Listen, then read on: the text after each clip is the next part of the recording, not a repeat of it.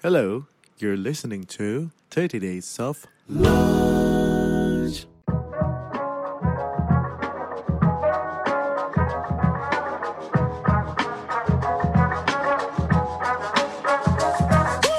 gue juga belajar banyak opportunity of leadership skill. Leadership itu butuh jam terbang. Leadership itu menurut gue butuh kecemplung. I would love to see Halo Dok. Melihat sejarah pesanan GoFood. Oh ini kebanyakan gula. Sehingga udah kayak ngingetin. Let's say amin to that.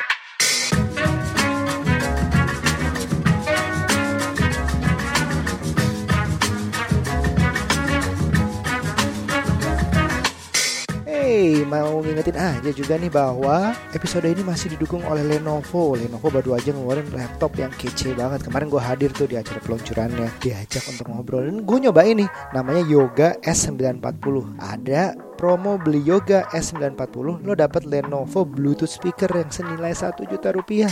Lumayan banget. I really really recommend this one.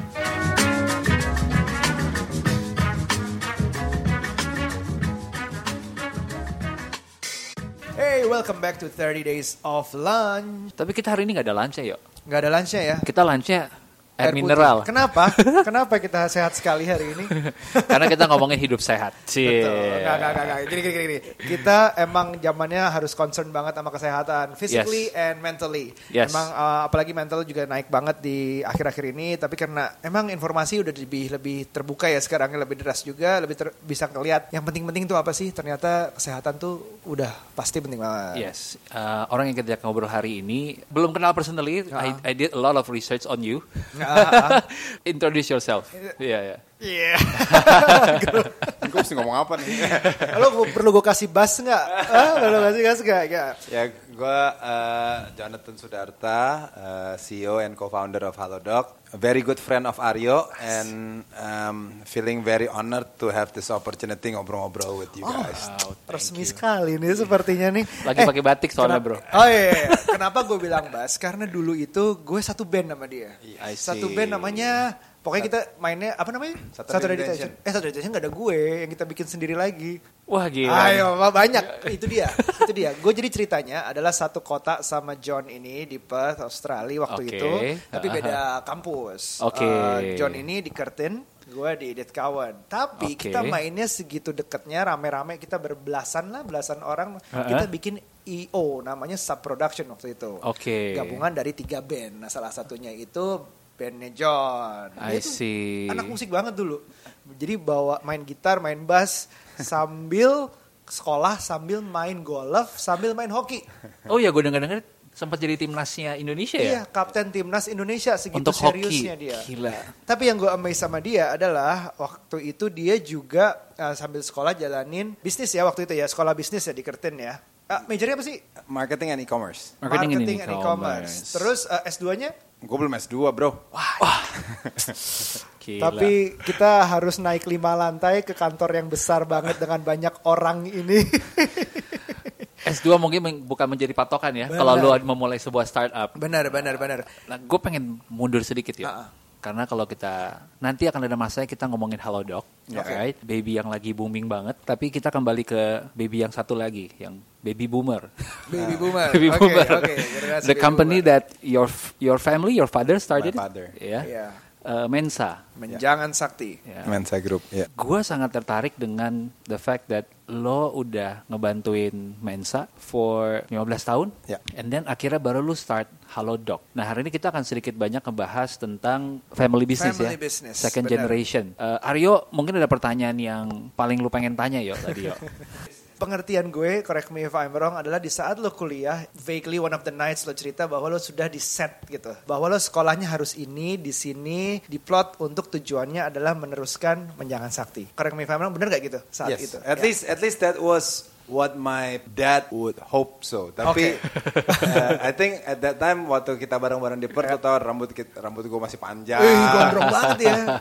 Hidupnya udah kayak nggak jelas gitu. Orang-orang di Mensa Group juga semuanya bilang, aduh kalau ini yang bakal nerusin mah Madesu deh.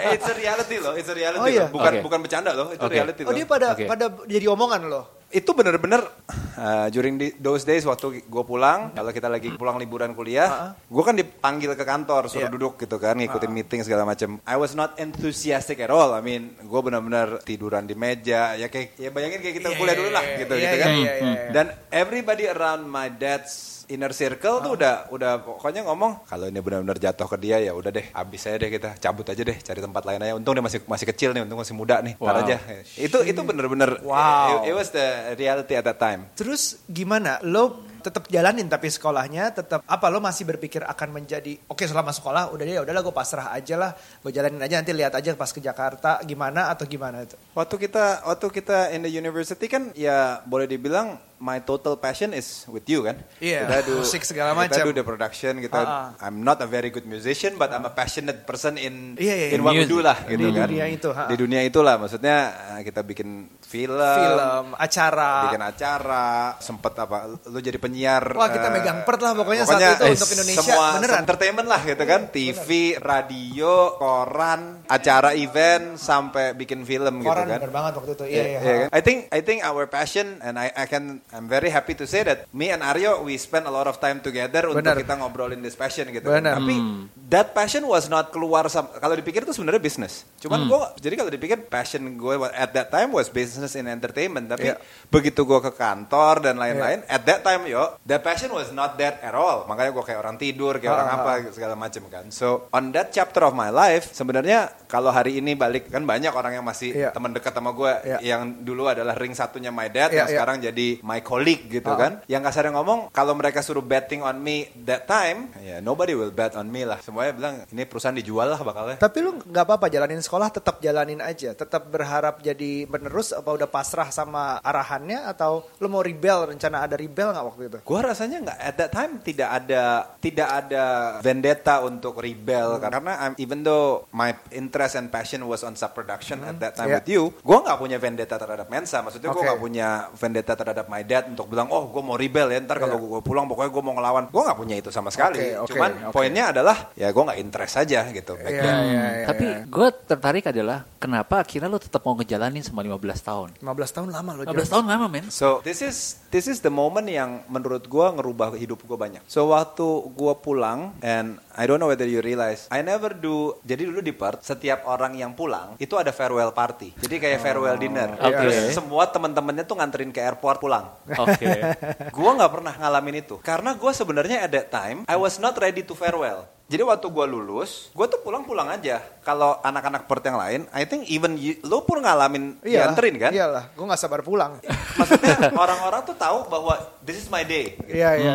Gua saat itu nggak tahu. Jadi waktu itu gua adalah bokap gua waktu itu perlu ada pasang ring gitu ya di jantung. Ah, Oke. ah. Eh, di waktu itu pergi ke Eropa. Jadi gua waktu itu sebenarnya pulang dari Perth untuk nemenin bokap gua mau pasang ring di Eropa. I gitu. see, I see. Oke. Nah, cuman karena pergi itu cukup lama dan gue udah lulus, momentum gue kayak hilang gitu. Mau balik lagi ke Perth ngambil S2, kalau nggak salah pokoknya momen waktunya kejauhan. Iya. Kayak tahun ajarannya udah lewat gitu. Iya, iya, iya, iya. iya. Mau cari kerja di Australia, ya kayaknya gue juga nggak tahu mau kerja apa. So finally ya udah. Tapi gue selalu berpikir if I'm going to work for somebody, I want to do it professionally gitu. So that's where I actually start. Ya udah deh, gue gabung ke bisnis perusahaan bokap gue. Saat itu Mensa hari ini Mensa udah ada program management trainee apa segala macam. Back then nggak ada yang namanya management trainee dan lain-lain. Jadi kalau ditanya, gue mulai dari mana ya gitu kan? Iya iya iya. So I have a discussion with my dad. My dad bilang sama gue, ya philosophically lo ngerjain apa pun lo harus dari awal. Lo nggak bisa jadi bos. Betul. gue bilang, gue setuju. Gue bilang, kita mulai dari mana? Ya yang namanya Mensa itu kan bisnisnya import. Eh, Trading. ya, trading kan, kita import, kita gudangin, kita jual. Ya lo mesti mulai dari paling awal. Jagain gudang. Eh, lebih awal dari gudang, Oh, wow. yaitu di pelabuhan. Wow. Jadi mirip sama bisnis keluarganya Ya, Aryo. Aryo. Ini di pelabuhan, yaitu ngeluarin barang. So, gue bilang oke, let's do that. Jadi hari pertama, this is literally yang kalau gue bisa share ya, it changed my life that first day. Jadi gue mau kerja, gue potong rambut dulu lah, ya kan? Mulai pakai kemeja, gitu kan? Pokoknya ini, gue bawa mobil pagi-pagi ke Tanjung Priuk. Gue masih ingat itu jam setengah enam pagi gue nyetir ke Tanjung Priuk. Di jalan, gue itu kesel banget. Gue bilang ngapain sih gue mesti? Gue biasa hidup bangun jam 11 siang nih. Oke. ya kan? Yuk. Lo eh, pilih kelas juga siang-siang semua ya, kan, siang sore. maksudnya orang malam bangunnya ini. Tapi waktu itu gue mesti jalan setengah enam pagi dan gue dalam hati gue tuh gue mangkel, gue kesel. Waktu gue parkir, dah gue ketemu sama manajer pelabuhan, Oke. manajernya Mensa di pelabuhan, Iya, iya. ngeluarin barang. Terus gue tanya, orangnya masih hidup, masih kerja di Mensa hari ini, namanya Pak Yanto. Gue tanya, Om, gue masih Om waktu itu kan. Hari Iya. pertama gue kerja, saya mesti apa? Oke, kamu ikut saya. Gue dikasih uang 5 juta rupiah dalam bentuk uang seribuan. Gue bilang Seribuan. seribuan. Gue bilang, Wow. gue mesti ngapain? Masih ada pecahan seribu ya waktu itu Iya, ya, berarti udah lama banget. 5 juta seribuan lo bisa bayangin jadi setumpuk Tumpuk banget ya. Gue tanya, gue mesti ngapain nih? Tugas kamu adalah ngasih tip ke koli. Jadi setiap kuli ngambil bawa koli. Jadi lo kalau di pelabuhan, lo Ya. mesti ngasih kayak Ya, ya. dokumen barang yang Oh. lo mau keluarin dari warehouse-nya di pelabuhan. Pelabuhan. Barangnya keluar, lo kasih tip Hmm, seribu perak. ya. Setiap orang dapat tip seribu perak. Ya. Ya ini jadi ya oke. Kerjaan gue simple, kasih seribu, seribu, Ya, ya. seribu, ya kan? Sampai orang kemudian datang salah satu, ya udah tip ke yang ke 100 atau ke berapa, ada datang satu bapak-bapak, umurnya mungkin 70 tahun, rentak, bawa barang, itu di punggung dia. Ini kita bicara 15 tahun yang lalu ya, Iya. Eh, belum forklift segala macam, Iya, it's not iya. like today gitu Iya, kan. iya. Terus gue tuh gak tega, mau kasih seribu, gue mau kasih lima ribu perak. Si Om Yanto itu bilang, tangan gue ditepok, jangan lo kasih lima ribu.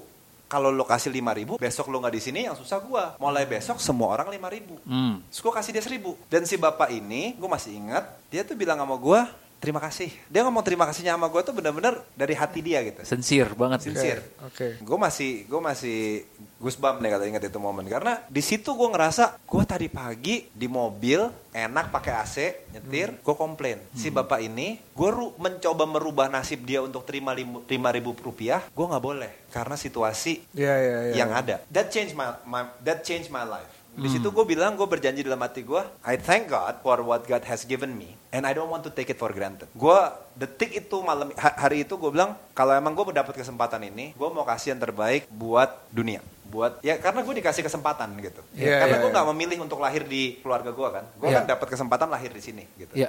And it changed my life gitu. Sejak itu, gue benar-benar kerja itu, gue nikmatin kerja sebagai aktivitas, bukan lagi sebagai pekerjaan. So it's like my passion lagi waktu kayak gue kerja sama Aryo di Sa Production. Iya, iya, iya. It was an activity, tapi kalau dipikir itu juga kerjaan kan. Iya, iya. Tapi gue nggak ngerasa itu kerja. Gue meeting sama Aryo bisa sampai jam 11 malam, jam 12 malam, sampai nginep rumahnya Aryo. Ya kita nggak ada yang komplain gitu kan meeting ya. Iya, iya, We're karena happy, ya- iya, gitu iya, kan. iya. Jadi gue gua langsung ngerubah gimana cara gue bekerja itu seperti itu. So after that I change my name. Gue kerja di Mensa di salah satu grupnya Mensa, pabriknya Otto namanya. Gue ganti nama. Ganti nama? Gue jadi join itu perusahaan tidak sebagai anak Jimmy Sudarta. Wow. Gue actually join sebagai salesman, Ha-ha. dimasukin ke dalam camp kalau salesman obat itu yang namanya medical reps. Kita itu pendidikannya keras. 40 hari dalam satu camp karena kita mesti berusaha ngajarin dokter. Lu bayangin. Iya, iya. Lulusan SMA kebanyakan harus bera- harus dididik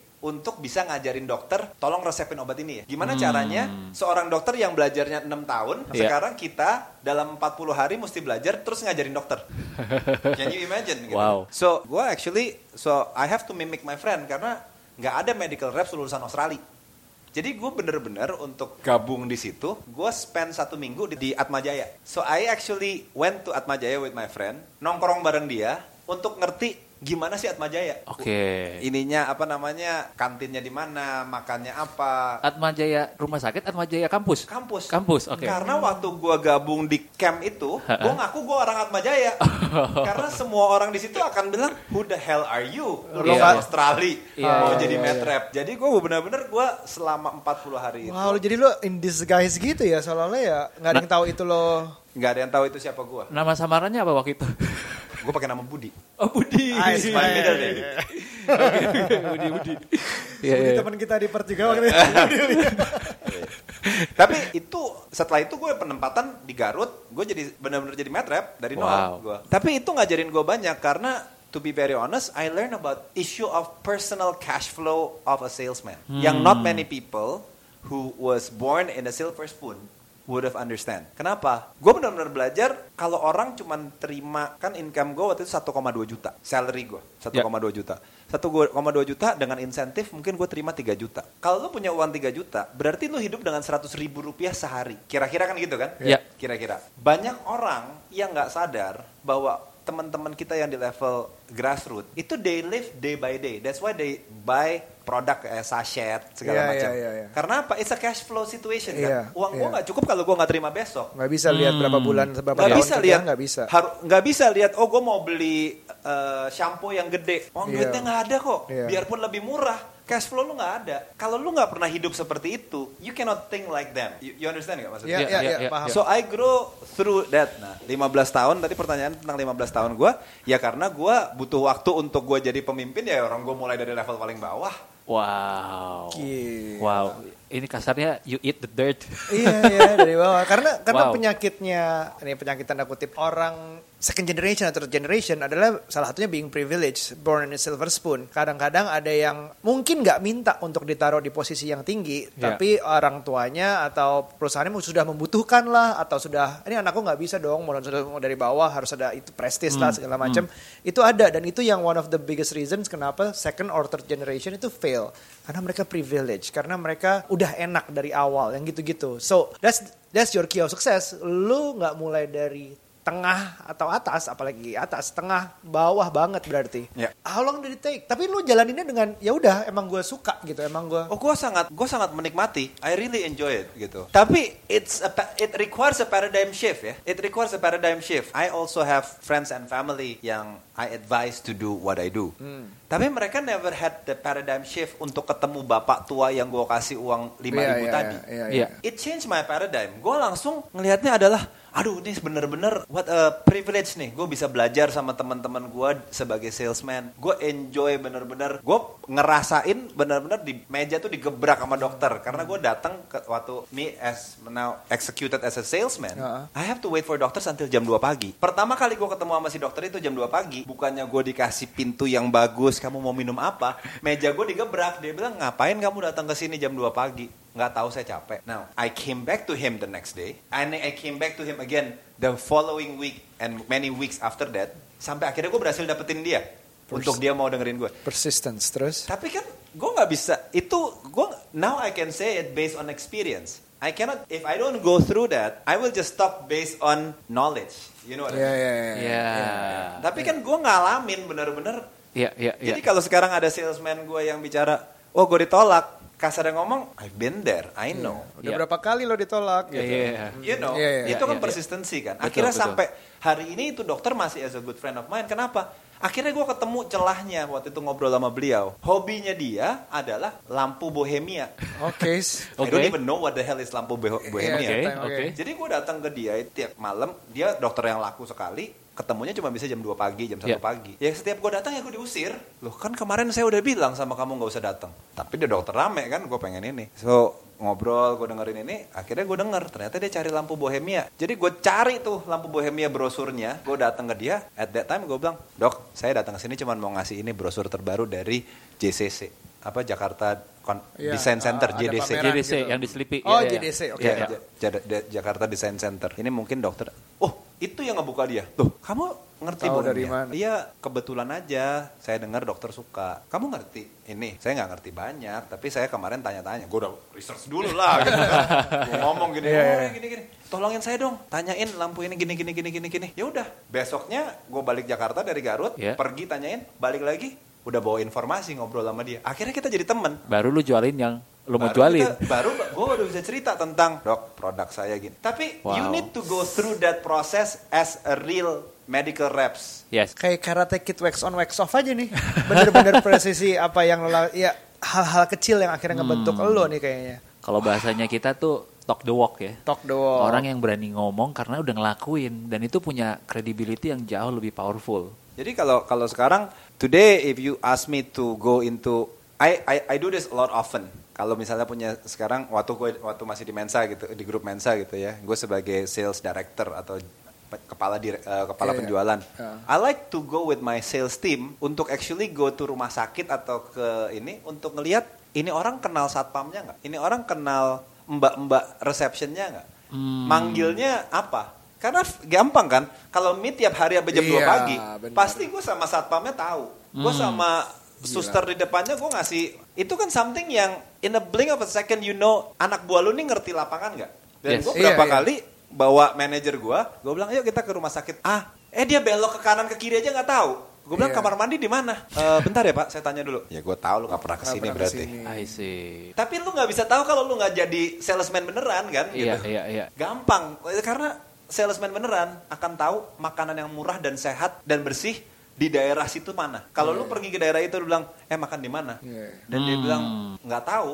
Wah. Jadi pertanyaan-pertanyaan yang kayak gini kan lu dapetnya cuma dari alam kan? Betul, Lu belajar betul. di sekolah gitu. Betul, betul, betul, betul. Iya, iya. After 15 years, uh, post terakhir ada tadi ya, Director of Sales ya, Commercial Uh, Director. Managing Director. Managing Director, oke. Kemudian lo memulai Halodoc. What happened to the succession setelahnya? Oke, jadi uh, mungkin sets of skills yang gue pelajarin di dalam perusahaan di Mensa selain tadi kan kalau kita bicara itu kan hard skill kan selling Iya, skills ah, ah, gitu. hard skills. Tapi gue juga belajar banyak opportunity of leadership skill gitu. Hmm. Nah leadership itu sesuatu yang menurut gue leadership ya, bukan manajerial ya. Iya. Leadership itu butuh jam terbang. Leadership itu butuh Oke. jam terbang. Leadership itu menurut gue butuh kecemplung. Yang gue berasa bersyukur adalah selama gue di Mensa, Mensa itu ngadepin atau grup di grup Mensa itu ngadepin beberapa turbulensi. Kata-kata gue bersyukur adanya turbulensi. I'm being very egoist. Sebuah perusahaan mensanya nggak happy ada turbulensi. Iya. Tapi Iya. gue egois kenapa? Waktu turbulensi itu terjadi, mereka butuh pemimpin untuk. eh, jadi turbulensinya bentuknya adalah bedol desa. Ada satu departemen Wow. yang tiba-tiba sembilan orang pergi gitu.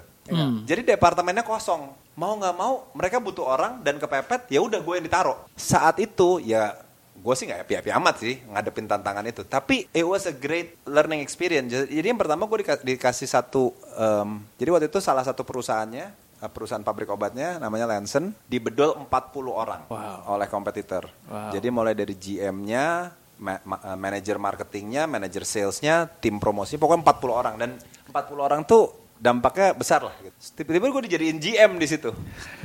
gue posisi sebelum jadi GM itu business development manager. Jadi business development manager itu sebenarnya namanya manager, tapi yang gue kelola cuma satu orang. Iya, iya, iya. iya. Diri It's lu sendiri? Role, not, a, not a leadership role. Oke. Tiba-tiba gue dijadiin GM, Hmm. yang itu posisi yang leadership. Leadership. Itu pembelajaran yang besar. Kenapa? Gue tiba-tiba harus, gue umur gue masih mungkin 28 kali kira-kira, atau 29, 20, 27, 28. Gue mesti mengelola orang-orang umur 45, 48, Udah lama Iya. di situ. udah lama di situ. Iya, iya, iya. Siapa lo? Udah gitu baru bedol desa orang lagi dalam keadaan ini. Nah, itu momen yang menurut gua a moment of truth of leadership learning. Karena itu ngajarin gue banyak hal. Gue bener-bener nggak tahu mesti apa kan. Karena the one ya waktu zaman kita dulu sekolah diajarin lah yang namanya organizational behavior, Iya. leadership. Tapi kan lu begitu udah bener-bener Dipraktekin. praktek, ini kan cerita lain gitu kan. Iya. Jadi lu bener-bener pakai insting kan gitu.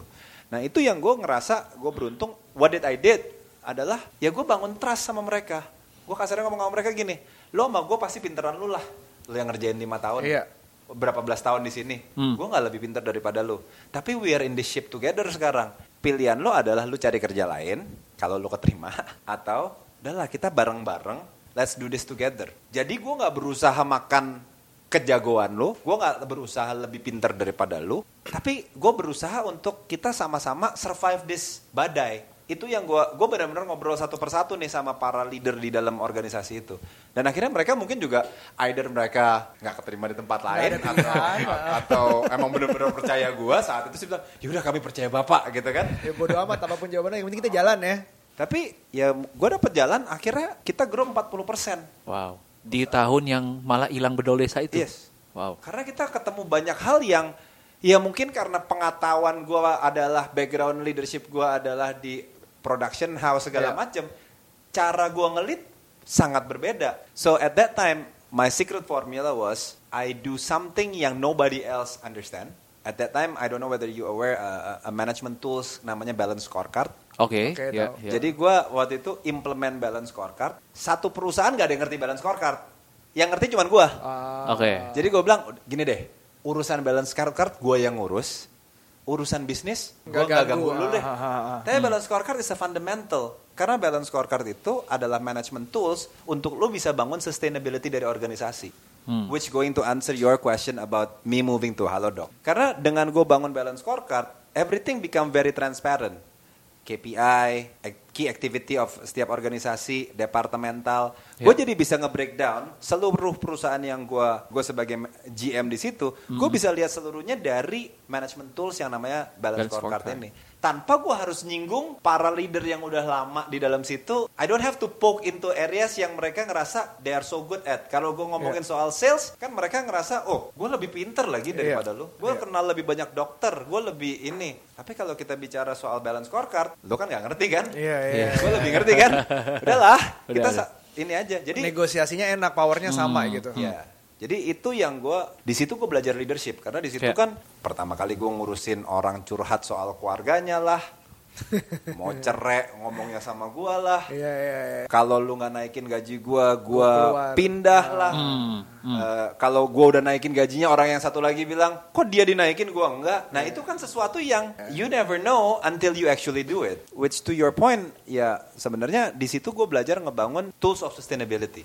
Oke, jadi bisa dibilang sekarang whoever yang dipercayakan mengisi posisi itu udah lu build enough pondasi supaya nggak ada lu di situ pun someone else can take over ya. Karena memang philosophically Mensa Group itu hanya gua pribadi yang masih punya hubungan keluarga. The rest is all professional. Wow, berarti sebenarnya in terms of succession ada. uh, It doesn't matter. doesn't gitu. matter karena sebenarnya udah di run sama professionals ya. 100% professional. Wow. Jadi waktu gua itu masuk, kesempatan buat gua actually pasang tools Ya. yang bisa ngeciptain sustainability untuk perusahaan ini. Jadi Wow. waktu gua di Lansen Wow. itu, makanya gua bilang it's a, buat gua Blessing. blessing. Pelangi Iya. di atas prahara. Pelangi, oh kayak film kita, Pelangi dari Sahara.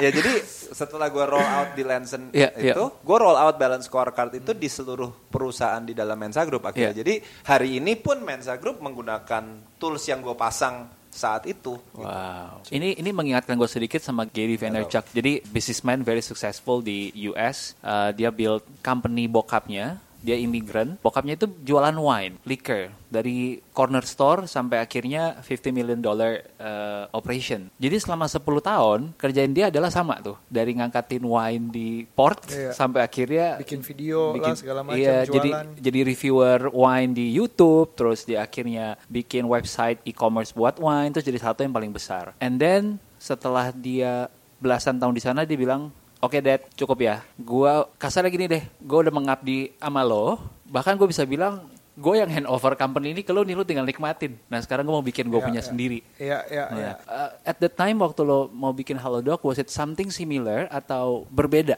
Um, mungkin kalau cerita Halodoc itu agak, gue mungkin agak ini ya, eh, ceritanya gini. It's not something that I plan. I do Halodoc Oke. itu is not something that I plan. Tapi Wow. mengalir dengan begitu saja. Jadi ceritanya berawal dari, karena pengalaman gue yang nungguin dokter sampai jam 2 pagi itu. Gue mikir sebenarnya dunia kesehatan ini bisa dimudahkan dengan teknologi. Kenapa? Kan gue nungguin sampai jam 2 pagi. Banyak banget pasien yang jadi temen gue. Oh pasien juga nunggu sampai jam 2 pagi. Lah iya dong dokternya sampai jam 2. Kan dokternya sampai jam 2 pagi. Laris manis dokternya ya. Ya benar benar benar. Iya kan? Yes, Berarti yes. kan gue tiap hari nongkrongin ngapain? Gue ngobrol aja sama Sama pasien. pasien. Apalagi yang cakep-cakep waktu itu. Oh, Oke, oke. Belum merit ya waktu itu ya. Hah? Belum dong. Ada yang anaknya cantik kan gitu kan. Sekalian lah kan gitu. Yang terjadi apa? Banyak banget pasien yang telepon ke gua untuk tanya hal-hal perintilan sama dokter. Ngapain dia balik lagi ke dokter ya dia bilang, tanyain dong, ini obatnya minum setengah atau terusin aja. Nah, nanya ke lu. Nanyanya ke gua. Gua bilang, oke. Belum ada WhatsApp dokternya. Zaman gitu. itu belum ada WhatsApp waktu itu nanyanya sama gua dan ya udah oke gue kumpulin. Gue datang ke dokternya gue mulai ngobrol kan, dok si A nanya ini, si B nanya ini. Kayak radio pesan dari untuk dari untuk gitu. Iya. Loh, jumlah dok nomor telepon dokter yang ada di handphone gue tuh udah 4000 ribu. Wow. Wow. Ya orang kerjaan gua Iya, iya, iya. nongkrongin depan dokter. Yes. Iya kan? Jadi waktu gua lagi jadi di kepala gue itu maksudnya gini sampai sekarang pun banyak orang yang nelfon gue John kalau dokter mata siapa nih? Ini ya orang teman-teman gue sendiri Iya, gitu kan. iya, iya. so at one point gue waktu itu kepikir ah kayaknya kita harusnya kalau ada teknologi orang supir ojek aja bisa di di technologize Heeh. masa sih kesehatan nggak bisa dimudahkan? Karena kalau gue ngelihat pain di Indonesia ini cukup besar. Cuman ada tiga dokter per 10 ribu populasi. Singapura itu 30 dokter per 10 ribu populasi. Kalau lu pergi di luar Jakarta Surabaya Bandung buat lu ketemu spesialis itu Susah banget. difficult Perjuangan sendiri ya. cuman ada seribu dokter jantung di Indonesia. Kalau cuma ada 1000 dokter jantung, per dokter jantung berarti harus pegang 260 ribu pasien. Iya, 260 juta orang. Iya kan? Very simple. Lalu kalau misalnya anggap aja lo di mana deh? Gua nggak gua nggak sebut pokoknya Iya, daer- iya, iya. daerah-daerah yang Remote area. remote area. In that remote area, kalau lo ada masalah sama jantung, lo sebenarnya perlu ngobrol sama dokter jantung kan? Iya. Iya. It doesn't matter where- wherever you are. Nah, di situ yang gue kepikiran termasuk obat ya. Karena gue ngerasa kadang-kadang nyari obat di Indonesia ini gampang-gampang susah. Kenapa gampang-gampang susah? Gampang buat gue karena gue tahu apotek yang mana. Tapi susah buat teman-teman gue. Buktinya setiap teman-teman gue nelfon gue, John, nyari obat ini di apotek mana? Kok gue tahu jawabannya? Ya karena gue orang industri itu. Iya. Jadi gue mikir gimana ya if we can use technology to do this. I see. So kebetulan teman-teman dekat gua itu adalah orang-orang yang berkecimpung di dunia digital. Hmm. Nadim, eh, Andre, Hmm. eh, Andre eh, dari Gojek, Kusumo yang eh, CEO-nya Blibli, Hmm. Hadi Wenas yang kebetulan juga Iya. eh, ini. itu temen aja gue nggak nggak bukan karena bisnis berteman sama mereka, tapi gue berteman sama mereka dan memang lingkungan gue lah mereka ngerjain ini. So until suatu waktu ya Nadim, I always said Nadim is my Dr. Frankenstein, Nadim sama Andre, karena dia yang akhirnya bilang udahlah John lo kerjain aja, do it, berani. Bener ya ini ya. Gue bilang, ya udah deh, gue pamit dulu deh sama Departemen Kesehatan. Karena dunia gue di dunia Departemen Kesehatan, gue pergi ke Depkes. Gue presentasi ke Ibu Linda Sitanggang, Direktur Jenderalnya. Waktu gue presentasi, one of her staff bilang, jadi gue udah gambar konsep Halodoc ya waktu itu. Iya. Eh, waktu gue presentasi, staffnya dia bilang, Bu, ini nggak bisa bu, kita nggak tahu gimana cara meregulasinya. To my very surprise, Ibu Linda Sitanggang PhD, mungkin karena beliau seorang PhD ya, cara berpikir dia sangat positif. Dia bilang gini, enggak ah, disruption will come. Whether itu Jonathan yang mau ngerjain atau orang dari luar, pasti akan datang. Gue mendingan somebody like Jonathan yang kita tahu memang dunianya kesehatan, Iya, iya. keluarganya punya pabrik, dia nggak akan menjualan ganja deh di di sini, nggak akan berani dia. Iya, Habis iya, iya. perusahaannya kalau Dia sampai pu- ketahuan. Iya dia ah. punya hal yang dia pegang benar kok. Ah, ah. Mendingan kasih kesempatan. Tapi Jonathan suruh cerita sama kita apa yang dia bangun. Jadi kita bikin regulasi juga nggak ngaco. Pulang dari situ gue pede. Pulang dari situ gue bilang, there's a future on this. Terus waktu Nadim dorong beneran, ya gue bilang, oke lah, let's do it. That's where I actually come to my family and say, there's an opportunity nih. Ini impactnya akan sangat besar karena kita langsung direct impact ke pasien. Apa yang Mensa Group bangun kan lebih banyak hubungannya sama B2B ya. Iya. Iya. Kalau ini benar-benar langsung ke Si, pasien. And I think my calling is there. Credits to my father yang nggak bawa dia punya ego sendiri. Dia bilang, oke, try. Kalau emang ini kesempatannya ada, ya why not? Hmm. Cuma dia satu, kalau kamu bener pakai uang investor, ya jangan jangan kecewain, jangan Iya, iya, iya, bukan mainan gitu. Bukan Ah. mainan. Ini bukan uang gua lagi nih, uang Iya. orang loh nih. Ah, ah, ah, ah. So that's that's how things started. Wow. Iya, iya, iya, iya. Tapi one thing, what satu statement lo yang menarik tadi adalah lo sempat ngomong soal lo sadar banget waktu lo pertama kali di ruang meeting yang diajakin lo nggak tertarik karena lo nggak passionate atau passionnya lagi di tempat yang berbeda. Terus somewhat kesehatan kan jadi kayaknya kecebur nih karena itu uh, marketnya Mensa. Lo bisa bilang nggak waktu lo awal mulai emang lo passionate di kesehatan atau passion itu akhirnya kebentuk along the way? Passion itu kebentuk along the way. Hmm. Passion itu kalau dunia kesehatannya gini, di darah gua memang mengalir darah kesehatan. darah jadi dari my father itu sebenarnya apoteker tapi nggak lulus. Hmm. My mom adalah dokter gigi. Oh, oke, Eh, oke, oke. Jadi gue gampangan ngapalin nama obat, Iya, iya. kapasitabin, gemcitabin, Heeh. ciprofloxacin yang nama-nama lo pasti ini. Apalagi Iya, iya, iya. obat gigi ya. Eh, ya obat obat gigi obat apa karena apa dari kecil gue denger nama obat itu udah Udah repetitif. regular. Iya, iya, iya. daripada suruh ngapalin nama orang gue gampangan nama nama obat Ini beneran for me ya Wow, ha- wow. hari ini so dari keluarga nyokap gue itu memang banyak yang hidupnya idealis sosial socially idealist kerja di PBB jadi dokter nggak dibayar memang ada ada calling itu Iya. Ah, ah, ah. jadi kalau gue bilang akhirnya waktu gue ngerjain ini ya kayak kayak mengalir aja ya memang Iya, keseha- kalau kesehatan is my is my passion gitu. Kayak sekarang di Halodoc, the biggest matrix of Halodoc adalah berapa pasien yang kita tolong. It's not about ya kita nggak bohong lah, kita pasti cari profitability. Tapi kita nggak driven by profitability, kita driven by berapa banyak pasien yang kita bantu benar-benar. Hmm. Bahwa profit itu comes with it gitu maksudnya Iya. nggak boleh dibalik gitu. Nah, Yes. tapi satisfactionnya lu berhasil ngebantu seorang pasien yang sakit itu memang very addictive kalau gue bilang. Oh, Iya, wow. iya, iya. Kalau lu lu uh, you know that you Paham. help a person, Paham. lu Iya, tuh set- iya. lu happy banget gitu. Dan lo bisa bangga bilang berapa juta pasien nih udah terbantu. Halo dok. Ya kalau kita lihat kan sekarang monthly active user kita kan 8 juta. Wow. Jadi kalau kita bicara it's safe to say 40-an juta orang yang kita bantu pasti ada gitu maksudnya. Wow. Itu wow. passion yang Wow. berbuah ya. Wow. terjawab. Ya maksudnya Iya. kan kita ngomong Iya. eh, ya ya susah ya gue jelasin eh, itu itu, itu kalau dibilang gue nggak pernah ada kepikiran bisnis lain Iya, selain kesehatan gitu. I see, I see. Understand. Dan semakin ngelihat ceritanya dia, makin kelihatan kayak ya memang mungkin ini sesuatu yang dipersiapkan. Ini kalau ngomongin sedikit destiny ya. Ya, ah. Kayak nggak kebayang orang lain yang start Halodoc. Iya, no one deserve this more than Iya. John sih. Going through that 15 years Uh-uh. dan punya 4000 kontak dokter Uh-uh. after that because of that kayak ya emang like the perfect guy for Halodoc gitu menurut gue. And I should thank you dari berapa juta tadi? 8 juta ya? 8 juta 8 per juta monthly user, active monthly user. Salah satu yang memanfaatkan itu adalah istri gua. Jadi baru sekitar empat minggu yang lalu dia itu punya isu banget sama eh, sakit perut, sakit perut, basic banget. Terus gue bilang, udah nih dokternya lagi nggak ada, terus kayak malam-malam banget. Udah lu ngobrol aja deh sama Halodoc deh gitu kan. Dan yang gue suka adalah di Halodoc tuh udah langsung kategori kan. Ada dokter yang spesifik gastro gitu. Dan biasanya lu kalau mau dapat jadwal dokter gastro di rumah sakit, ya dia praktek jam 2 siang sampai jam 4 sore ya jam segitu aja. Lu Iya. nggak bisa ke mereka lagi kan. Akhirnya dia nanya, ini sakit mah bukan ya? Dokternya bilang, oh kayaknya indikasinya pertama sakit mah. Oh ya udah, lu cari obat ini deh. Ya udah dipesenin, halo dok, kirim, bret, datang, minum, feel better, tidur. Besok paginya kok makin sakit. Setelah ditanyain lagi simptomnya apa, dokter di Halodoc bilang gini, kayaknya lu mesti ke rumah sakit. Kayaknya ini bisa jadi usus buntu gitu. Ini feeling gua adalah dokternya udah bilang kayak ini di luar, di luar ini nih, Udah nggak bisa bisa di Iya. didiagnosa bayi ini doang nih. Chatting Mendingan apa. lo pergi langsung. Abis itu dia ngomong, yaudah langsung pergi kita bikin ke sana. Bener bro. Dia datang ke GP, GP-nya bilang, coba gue pencet-pencet. Oh dari tengah turun ke kanan bawah ya. Oke, lo mesti ngetes appendicitis, lo mesti tes red confirm within 24 jam. Ya udah, kita harus ngambil tindakan gitu. Jadi speaking of gimana akhirnya punya impact dan pasien ter Ini ada living proof. living proof so kenal. I understand that gue bisa gue bisa berempathize dengan kondisi gila gue ngebantuin orang nih gitu Iya, iya, gue iya. nggak bisa ngebayang kalau gue tahu itu lebih like sebulan kemudian dua bulan Karena kemudian nunggu jadwal Bisa dokter. exactly Bisa itu pecah, bisa bahaya bahaya. banget Ya. gitu Jadi itu buat cerita kayak gini is what I call vitaminnya kita. Karena ini kalau di podcast nggak bisa kelihatan, tapi kalau sama kalian eh, you can see. nih. Ini kita punya di tempatnya eh, kita punya Slack group ya. Kita ada yang namanya app reviewnya kita. Ini kan Hmm. tiap saat nih gitu. ya ya ya ya ya Ini buat gua vitaminnya kita nih. Jadi kita Wow. bisa lihat semua ini bintang 5 ataupun bintang 4 kayak bintang 1 siapa pun yang ini. Ini kan ini kan live.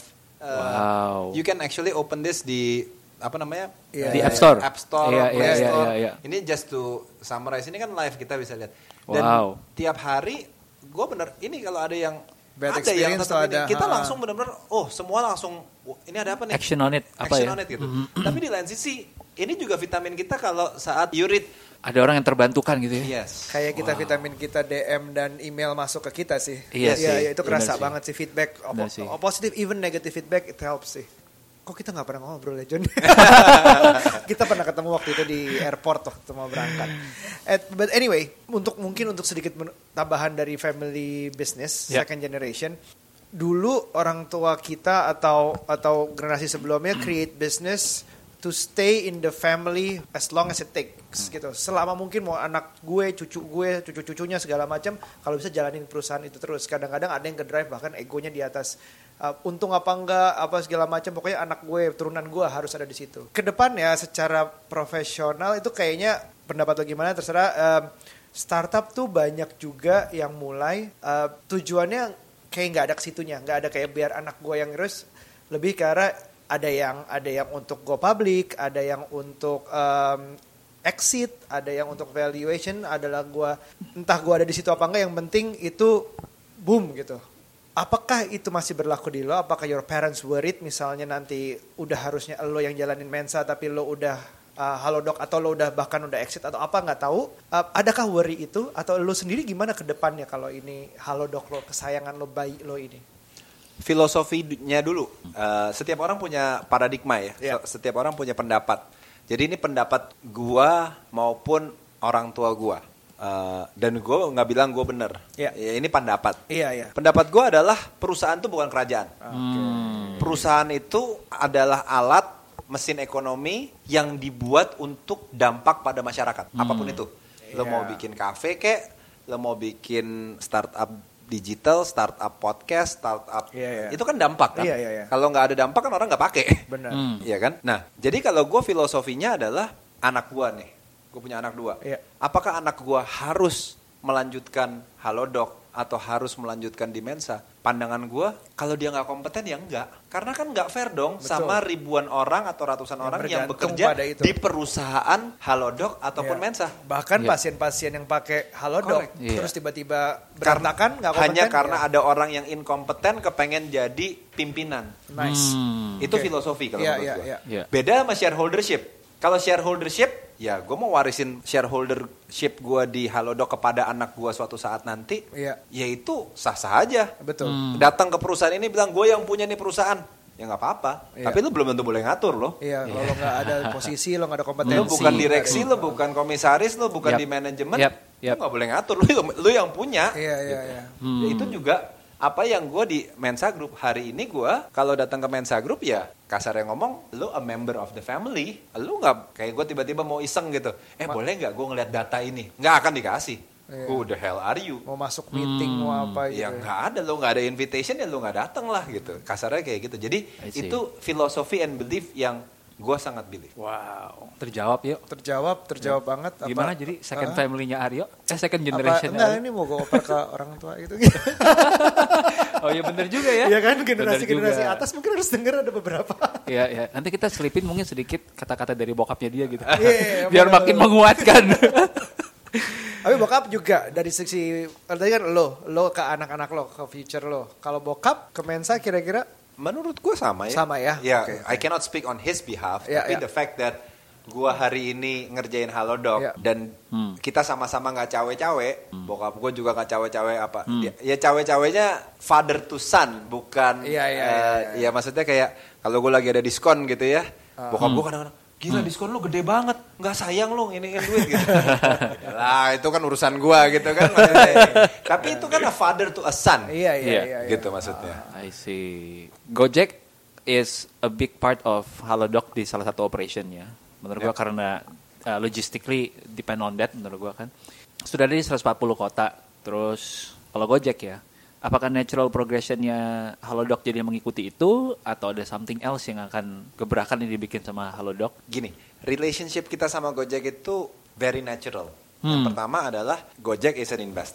Well, ya Gojek is a strategic partner dalam Iya. konteks eh, mereka yang Iya. pertama kali invest, Iya. tapi at the same time kita juga menggunakan mereka as a logistic partner untuk Iya. dalam konteks pengantaran obat. Iya. Now, service Halodoc sendiri itu kan kalau kita lihat sebenarnya bukan cuman pengantaran obat. Betul. Salah satunya adalah konsultasi dengan dokter, Yap. kemudian appointment, Yap. yang mana tidak ada hubungan sama Gojek, Gojek. As, it, as it is, Iya. directly. Iya. Tapi indirectly bisa, Iya, ya iya. kan? Indirectly bisa. Misalnya sama aja kan kayak orang bisa booking tiket bioskop di Gojek, Iya, kenapa nggak bisa uh, bikin appointment di rumah sakit di dalam Gojek sebenarnya kan Iya. gitu. Jadi Iya. indirectly bisa. Iya. Gitu. Jadi kalau dibilang kita dengan Gojek sangat dekat hubungan, tapi uh, kita dua separate entity yang totally berbeda. Jadi Hmm. culturally, cara kita di manage, cara kita Iya. memanage juga berbeda. So kalau dibilang ya it's a professional relationship gitu. I see. Oke, the reason I ask sebenarnya lebih ke gini sih. Tadi waktu kita di bawah, tagline-nya Halodoc adalah simplifying healthcare. Ya kalau gua nggak salah. Dan tadi gue sama Aryo ngobrol, yuk kayaknya dari sisi healthcare tuh masih banyak banget yang bisa dikerjain deh ya. Nah, gue mau masuk ke ke next issue nih kan. I think medical record it's something yang jadinya kayaknya bisa menarik kalau ada ada solusi gitu. Eh, Nggak tahu, I, I- see that as an opportunity gitu. Dan In gue the- juga butuh. iya, iya. Gitu. In the era of big data, teknologi segala macam, sampai saat ini aja gue masih bertanya-tanya, medical record gue itu di mana sih? Apakah milik gue? Apakah milik dokter? Apakah milik rumah, Rumah sakit? sakit. Dan gue kok nggak akses gitu gampangnya? Gimana ya caranya? Ya gue pernah obat apa aja di seluruh seumur hidup gue, ke dokter mana aja, tindakan Iya. apa aja. Is that something you see? So mungkin mungkin yang paling yang paling gampang gue cerita yang di dalam tangan gue sendiri dulu deh. Boleh, boleh. Which is under my own control. Kalau Yeah. yang outside my own control, I cannot talk Speak much. to them, yeah, Ya kan? In my own control itu ya berarti di dalam Halodoc. Ya.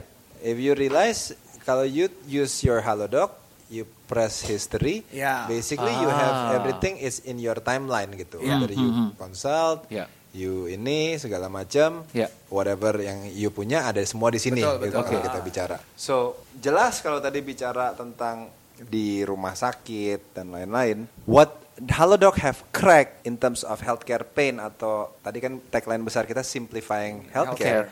Areas yang perlu disimplified ini masih banyak banget kalau menurut kita. banyak banget. Iya. Jadi memang mimpi besarnya Halodoc itu nggak berhenti di sini. Mimpi besarnya Halodoc itu kalau kita lihat kita mungkin sekarang ini kan kita ada di lebih dari 400 rumah sakit pengantaran obat. Tapi sebenarnya kita nggak berhenti cuman di pengantaran obatnya. Kita Iya. banyak hal lain kerjasama yang kita lagi bangun sama rumah sakit yang diharapkan bisa memudahkan si pasien itu. Hmm. Nah jadi ya salah satu, salah dua, salah tiga, salah empatnya ya moga-moga kita solving that areas of pain. It's not an easy it's not an easy challenge. Yeah. Um, I think ini fact ya. In UK they spend 14 billion US dollar, eh, 14 billion pound kalau gua nggak salah. Itu angka gede sekali loh, 14 miliar, Miliar pound. pound in totality ya, bukan dalam setahun, in totality to crack this one single medical records identity of UK and they're yet to be successful. Wow. So it's not an easy challenge. Is it an area that Halodoc will try to solve? I think it's inevitable. Hmm. Karena kalau kita bilang ya hari ini kan di selama lu bek- di Halodoc ya your History personal udah- ini udah ke- udah udah ke- udah ke- Iya. udah udah kita bantuin, kita mudahkan iya. gitu. Semakin Iya. banyak data semakin kuat. Iya kan, tapi kalau untuk yang di rumah sakit dan lain-lain ya itu kan saat ini memang ibaratnya kan pulau-pulau yang terpisah tadi kayak cerita di rumah sakit yang Iya, sama iya, aja iya. ada dua dokter yang berbeda Iya, bisa informasinya bisa nggak sync Iya, gitu. iya. So I think the challenge is not just about I think selain technology challenge yang besar adalah social challenge-nya kalau menurut saya. Hmm. Karena social challenge-nya di sini adalah ada ego, Iya, iya. ada comfort of using uh, tools A compared to tools B. Iya. Existingnya udah enak gitu ya. Ya, Iya. ngapain gue tambah susah Iya, gitu iya, kan. iya. Apalagi in a market yang is a supply driven market bukan demand driven market. Yang dimaksud supply driven itu apa? Jumlah dokter cuma tiga dokter per 10 ribu populasi. Hmm. It's a supply driven dong. Yes. Demandnya jauh lebih besar daripada supply-nya. Iya, iya. iya. Jadi supply punya power. Hmm. ya Oke. kan? Dibandingkan sama a market yang demand driven di mana kompetisi is so hard, ya you just have to be the best in what you do. Iya, iya, Contohnya maybe uh, F&B kali ya. Iya. Iya, F&B iya. kan kafe makin lama makin keren di Jakarta. Kenapa? Karena ada makin banyak kafe yang makin keren kan. So you have to compete Iya, in that Standarnya sense. makin lama makin naik, makin naik, makin naik gitu ya. I would love to see Halodoc karena Pak strategic partner sama Gojek ngelihat sejarah pesanan GoFood. Oh ini kebanyakan gula. oh ini terlalu pedas lo punya perut yang gak kuat mama pedas gitu segala macam sehingga udah kayak ngingetin Iya, eh iya, hati-hati iya, iya. kadar gula lo udah sekian. gitu kan keren. That would be great. That would be great. Atau kalau lo kalau lo misalnya makan uh, something Heeh. tukerannya adalah jalan 10.000 langkah Nah, gitu. gitu gitu. Ini boba ini udah tiga sehari nggak mungkin loh. well, I hope that in the future. Gue request iya, fitur iya. itu. Amin. Let's say, let's say amin to that. Amin to that. Gua nggak inget gue baca di mana, but in one of the articles lo sempat mention kalau your rockstar adalah Elon Musk. Uh, gue nggak tahu masih Elon Musk setelah dia kemarin joget-joget di China atau enggak. uh, but uh, who's your rockstar sekarang? Mungkin tergantung filosofinya, tergantung kita ngelihatnya apa ya. Iya, Mungkin iya. you have to understand, I like Elon Musk not not on his personality. Yep. Tapi on his way of thinking. Because Yep. I don't know enough about Elon Musk. I would Yep. know more about Jose Mourinho. which is Yeah, he's a Chelsea fan, unfortunately. which is I'm a big fan That's the next question ya. compared to not Man United.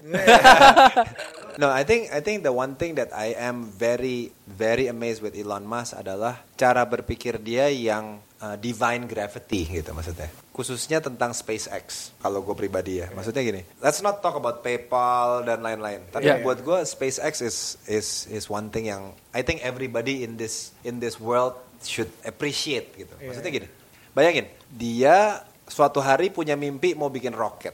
Kenapa bikin roket kita nggak usah diskusi. Dia pergi ke tukang roket. Maksudnya orang mau beli roket. Lu bayangin, orang mau beli roket gitu kan. Dia datang ketemu orang Rusia, dia bilang, gue mau beli roket dong. Orangnya bilang sama dia, eh anak muda, harganya 8 juta dolar kalau nggak salah atau apa gitu. Terus dia bilang, hah COGS-nya cuma 2% daripada 8 juta. Padahal ini roket bekas. Si dia, orang Rusianya bilang, lo kenapa nggak punya duit ya? Dan dia keluar dari itu ruangan, dia bilang, nggak, let me just build my own rocket. And today dia punya Falcon X kan, roketnya bisa terbang sendiri, Balik terus sendiri. balik lagi. Yang menarik adalah, sekarang NASA mengoutsource dia punya pembuatan roket ke SpaceX. NASA bayar 30% lebih murah, SpaceX masih untung 40%. Kalau kita bilang ini kan divine gravity gitu maksudnya. Eh paham paham paham. Paham. Lu bayangin aja, orang-orang bilang ayo kita bikin kafe, ayo kita bikin startup. Ini orang bilang ayo kita bikin roket untuk bisa bikin sesuatu seperti NASA outsource ke gua aja deh.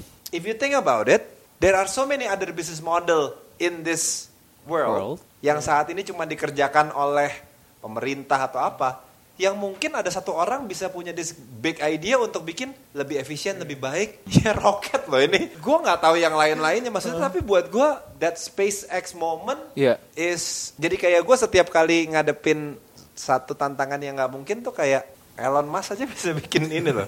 Kenapa kita mesti Iya. ini gitu? Gue suka the way you pick part of him. Jadi maksudnya banyak orang yang you idolize someone, Iya, iya. lu makan mentah-mentah tuh semuanya orangnya itu, isi kepalanya, begitu lo, wah ini pokoknya orang udah dewa banget deh, I look Iya. up to him dia, Iya. pokoknya satu-satunya, Iya. terutama mungkin banyak di politik sekarang kali ya, Iya. kayak nggak terima kurangnya orang gitu.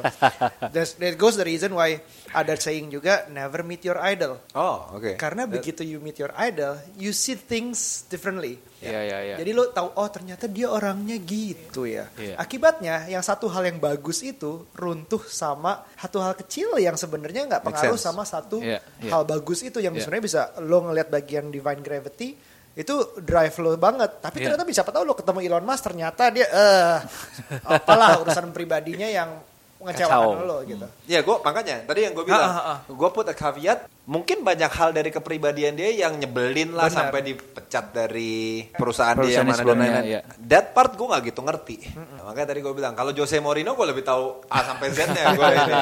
Tapi eh, Jose Mourinho mungkin dalam konteks ini he's not defining gravity. Iya iya iya, tapi gue suka itu partnya yang harus orang banyak pelajarin bahwa if you have an idol, if you have a role Iya, iya. model, pagerin Iya. banget apa Iya. yang lo bikin Iya. lo dia suka.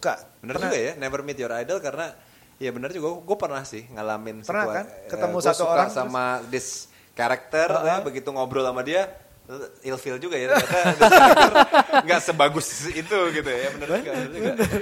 Oke, from now on never meet your idol. Kenapa lu gak meet idol? Gue gak mau ilfeel. gue gak mau ilfil, gue gak mau drop. Tapi gue selalu mungkin I am I am also very very aware ya dunia startup itu ataupun dunia dunia bisnis ada orang bilang ya kita kalau lagi di atas gunung jangan terlalu ngerasa lu di awan karena lu bisa jatuh. Tapi sebaliknya kalau lu di bawah jangan lu mikir dunia itu juga udah ini karena menurut gue hidup itu kan pasti berputar. Iya. So gue bersyukur bahwa Halodoc have reached this height tapi gue belum sampai berhasil lah. Jadi gue very aware bahwa kegagalan itu juga pasti masih ngehantuin, masih bisa. Pasti ada, pasti ada. Jadi kalau gue poin utamanya gue adalah I think we need to enjoy the, every moment. We need to hope for the best, but always prepare for the worst. It is Love it. it is what it is, right? Love it, yes, exactly. Kita semua pasti ini dan kalau kita lagi jatuh ya kita jangan jangan putus harapan orang Iya. hope itu is still big gitu. Iya. Tapi kalau kita lagi di atas jangan jangan bilang lu yang paling hebat Iya. dunia lu lu ini. Jadi kalau gue sih I'm very aware that I'm still far away from success kalau kalau menurut gue. Um, but it will be interesting to see how far Halodoc has uh, nanti progress dan apa yang lo pelajari lagi selama perjalanan itu. Karena dari satu jam ini aja pun gue belajar banyak. Dua key takeaway, takeaways yang gue suka banget adalah uh, ketika lo bilang ini bukan lagi soal menjadi kerjaan, tapi juga activity. Activity itu sesuatu yang akan lo enjoy. Yang kedua bahwa uh, perusahaan itu bukan dibikin untuk menjadi kerajaan. So with that in mind, I think gue pengen banget extend obrolan ini. Iya, iya, iya. Tapi kita appreciate your little time. Tapi senang banget. Thank you again. Thank uh, you so John. much for the Uh, time. Appreciate. Thank you banget John buat waktu dan wisdomnya. By the way, sebelum kelewatan nih, kita finally release our very first official merchandise. Yay! Nah teman-teman, uh, ada tiga desain yang kita bikin barengan sama Polonian. Uh, Teddy Ang kalau ingat pernah di podcast kita juga. Salah satu desain yang gue suka banget itu yang namanya Talk the Walk bukan walk the talk. Karena kalau walk the talk tuh kesannya kayak ya lu ngomong dulu baru lu ngelakuin. Tapi eh, tamu-tamu kita, eh, teman-teman yang udah sharing di eh, podcast kita ini, kebanyakan dari mereka punya kredibilitas yang kuat. Kenapa? Karena ha- mereka hanya berani ngomong, mereka hanya bercerita dari apa yang sudah pernah mereka lakukan, apa yang menjadi experience mereka, pembelajaran mereka dari pengalaman mereka. So for me, t-shirt itu means a lot sebagai pengingat banget bahwa jangan cuma jual bacot. Nah, ada beberapa desain lain lagi di sana yang kalian bisa temukan di mana Lazada. Hope you guys like it dan semoga bisa menjadi pengingat buat keseharian lo semua ketika menggunakan t-shirt ini. Ditunggu ya foto-fotonya. Dan buat pendengar-pendengar teman-teman semua, eh, ini mungkin akan jadi satu episode yang akan gue ulang beberapa kali lagi. Kayaknya begitu banyak emas yang tersimpan. If you enjoy this eh, dan kalian ngerasa ada teman-teman kalian yang bisa dapetin manfaat, entah karena keluarganya juga punya family business yang harus di grow second generationnya, atau kalian eh, looking forward untuk mencari celah-celah di mana bisnis-bisnis yang bisa masukin teknologi dan bisa di grow, give them this episode gitu. Sure atau kasih ke generasi pertamanya.